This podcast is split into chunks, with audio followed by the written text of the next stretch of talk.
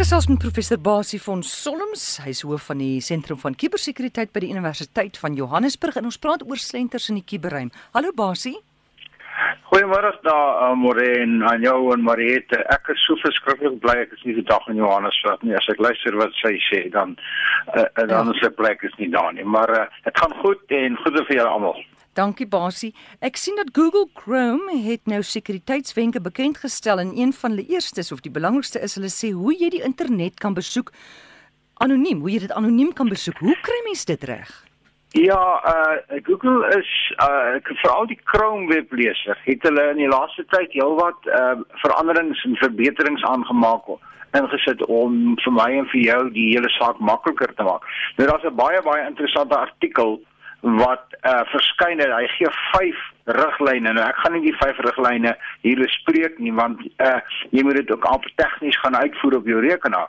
Maar een van die fasiliteite, ek gaan die artikel in elk geval op die webwerf sit van die uh, Sentrum vir Kubersekuriteit van die Universiteit van Johannesburg www.cybersecurity.org.za en dan kan jy luister om maar na gaan na. Hy sê seker so oor 'n dag of wat sal hy daar wees.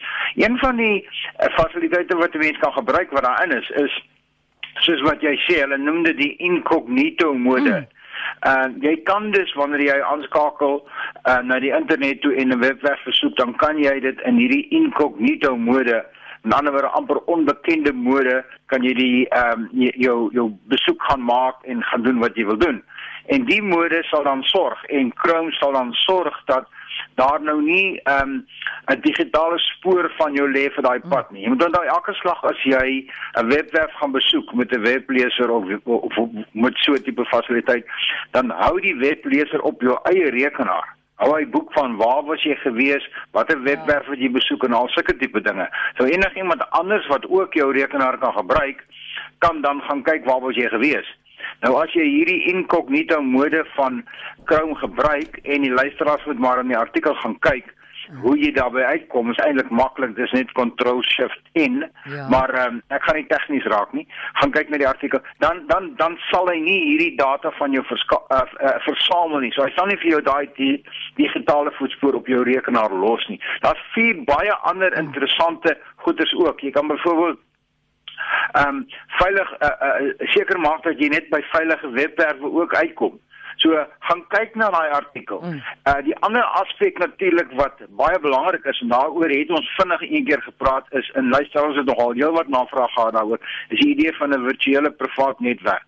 Dis ook 'n ding wat 'n mens baie baie goed moet na gaan kyk. Gaan Google gewoon maar VPN vir julle privaat netwerk. Daar's baie wat jy kan gebruik en dit gee vir jou eintlik 'n absolute veilige kanaal van jou rekenaar af van die koffiewinkel af waar jy aanteken na die webwerf toe en niemand kan eintlik jou goed afluister nie. So, mens moet maar vir jouself begin beskerm en begin uitvind wat is hierdie ehm um, hierdie hierdie uh, gereedskap wat beskikbaar is in jou webleser en buitekant wat jy kan gebruik om jouself te beveilig.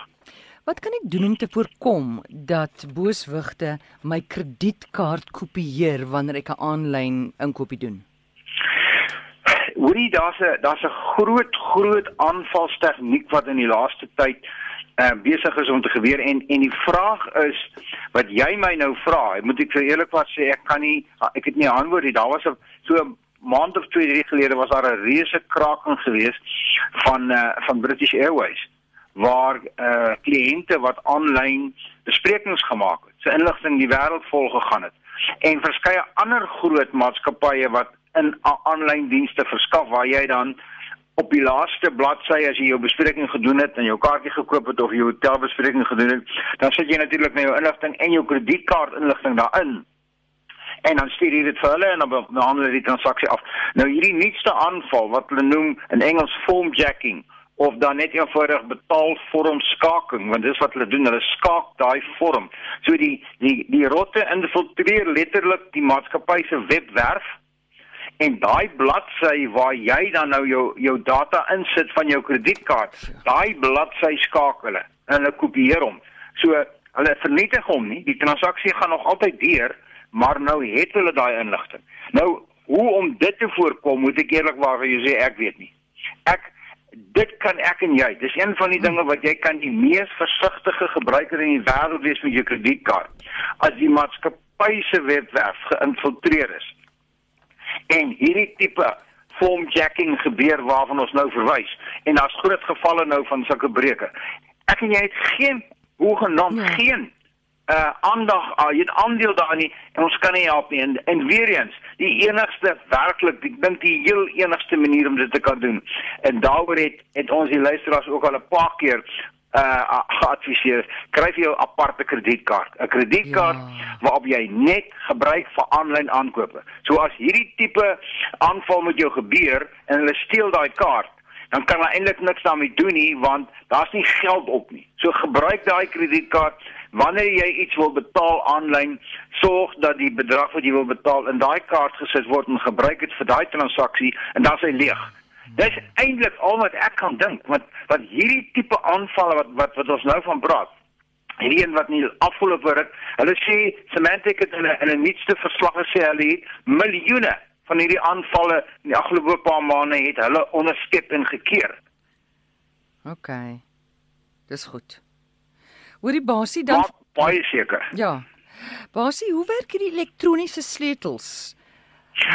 Dit is ook 'n interessante ontwikkeling. Jy sal onthou dat wanneer in baie baie ehm um, plekke waar jy aanteken dan byvoorbeeld jou Google 'n rekening toe of na jou ehm um, WhatsApp rekening toe, baie van die goed is daar 'n tweede fase van ehm um, uh verifikasie waar hulle sê sit in jou wagwoord, maar voordat ons nou regtig vir jou toegang gee tot die rekening, uh of die of die profiel stuur ons vir jou na jou selfoon toe 'n uh, kode en dan moet jy daai kode ja. intik en dan eers kry jy to, toegang. Hierdie kode stuur saam bekend as twee fase magtiging of verifikasie en baie banke gebruik dit ook vandag nog.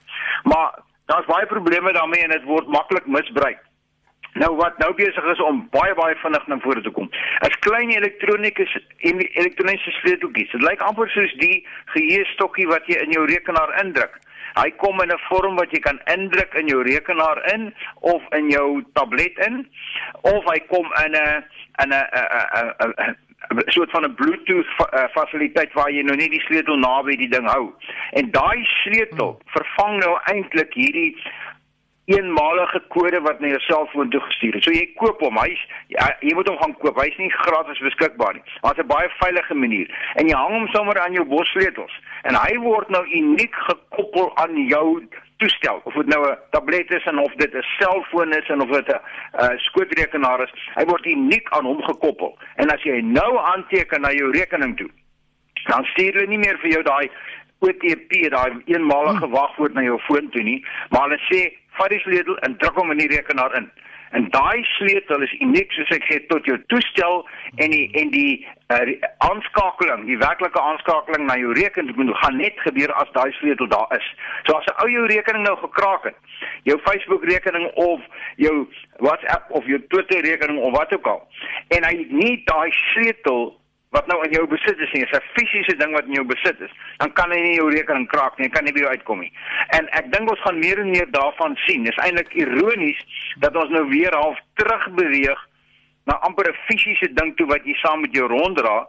Maar dit ja. is die dis die manier waarop die twee tweede fase van die verifikasie siklus nou ehm um, vervang word of ek dink nog veiliger gemaak word. En dis seker net 'n kwessie van tyd waar jy liewer net jou vinger kan gebruik of miskien wat hy jou oog lees, jou oë lees.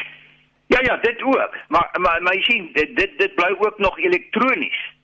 Uh hmm. en jy sien hy lees uh, vir daai al klaar vir dag so baie van die selfone moet jy hy neem 'n foto van jou of jy moet jou vinger afdruk kry of wat ook al. Maar in baie gevalle is daai tweede fase nog altyd daar.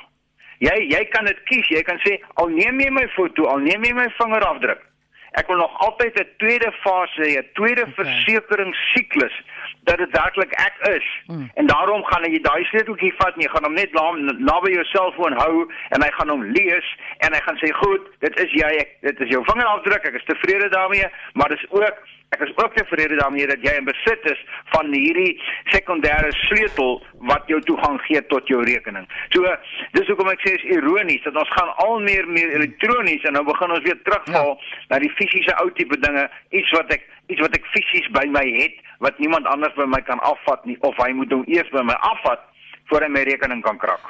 Goed basie, ons het 2 minute. Hoekom moet 'n mens versigtig wees vir werksaanbieding op 'n webtuiste? Uh dit is 'n slenter wat baie lankal kom maar wat in die laaste tyd baie baie toekom. En ek kry nogal al meer en meer e-posse van luisteraars wat sê hoorie ek het nou hierdie aanbod gesien op 'n webwerf of wat ook al. Is dit veilig om aansoek te doen om om die inligting te voltooi want hulle vra jou volle CV Hulle vra natuurlik alles soos wat 'n mens nou aan 'n werksverskaffingsbureau sou verskaf. En die slenter lê daarin dat baie van hierdie werksverskaffingswebwerwe wat jy by uitkom of die web, web uh, werksverskaffingsaanbiedings wat jy elektronies kry, is 'n slenter.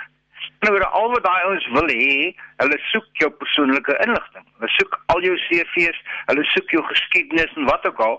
En al as hulle dit nie self gebruik nie, dan verkoop hulle dit weer aan iemand anders. So die waarskuwing hier is en weer eens, daar het ek nie 'n direkte maklike oplossing. Maar al wat ek sê is wees baie versigtig. Moenie sommer net val. Hier's 'n baie lekker aanbieding, 'n uh, uh, werksaanbieding van 'n pos op 'n skip wat jy soveel betaal gaan word en jy gaan jy bly op die skip en al sulke tipe dinge. Baie van hulle is wettig en reg in 100%. 'n Klomp van hulle gebruik die rotte juis om jou uit te vang. En nou doen jy aansoek en jy voltooi dit en jy stuur al daai inligting vir hulle gewoonlik gaan hulle terugkom en sê ja, okay, jou aansoek is suksesvol, maar jy moet nou R1000 betaal om te registreer of wat ook al, dan moet jy dadelik al 'n rot begin ry. So, my wenk weer eens is, as jy so 'n uh, webwerf het, gaan doen eers weer bietjie navorsing. Gaan kyk eers weer of daar mense is wat al gekla het op die internet ehm um, deur jou soek engine gaan kyk of daar mense wat al gekla het oor daai webwerf. Maar moenie sommer net hollerste wolder gaan en jou inligting gaan verskaf. Jy's so bly oor hierdie werk want dit is presies wat jy wil hê en dan is dit 'n slenter nie. Gebruik jou kop, dink op jou voete en maak seker. En niemand gaan vir jou sê jy is 100% seker nie. Iewers gaan jy 'n risiko moet vat.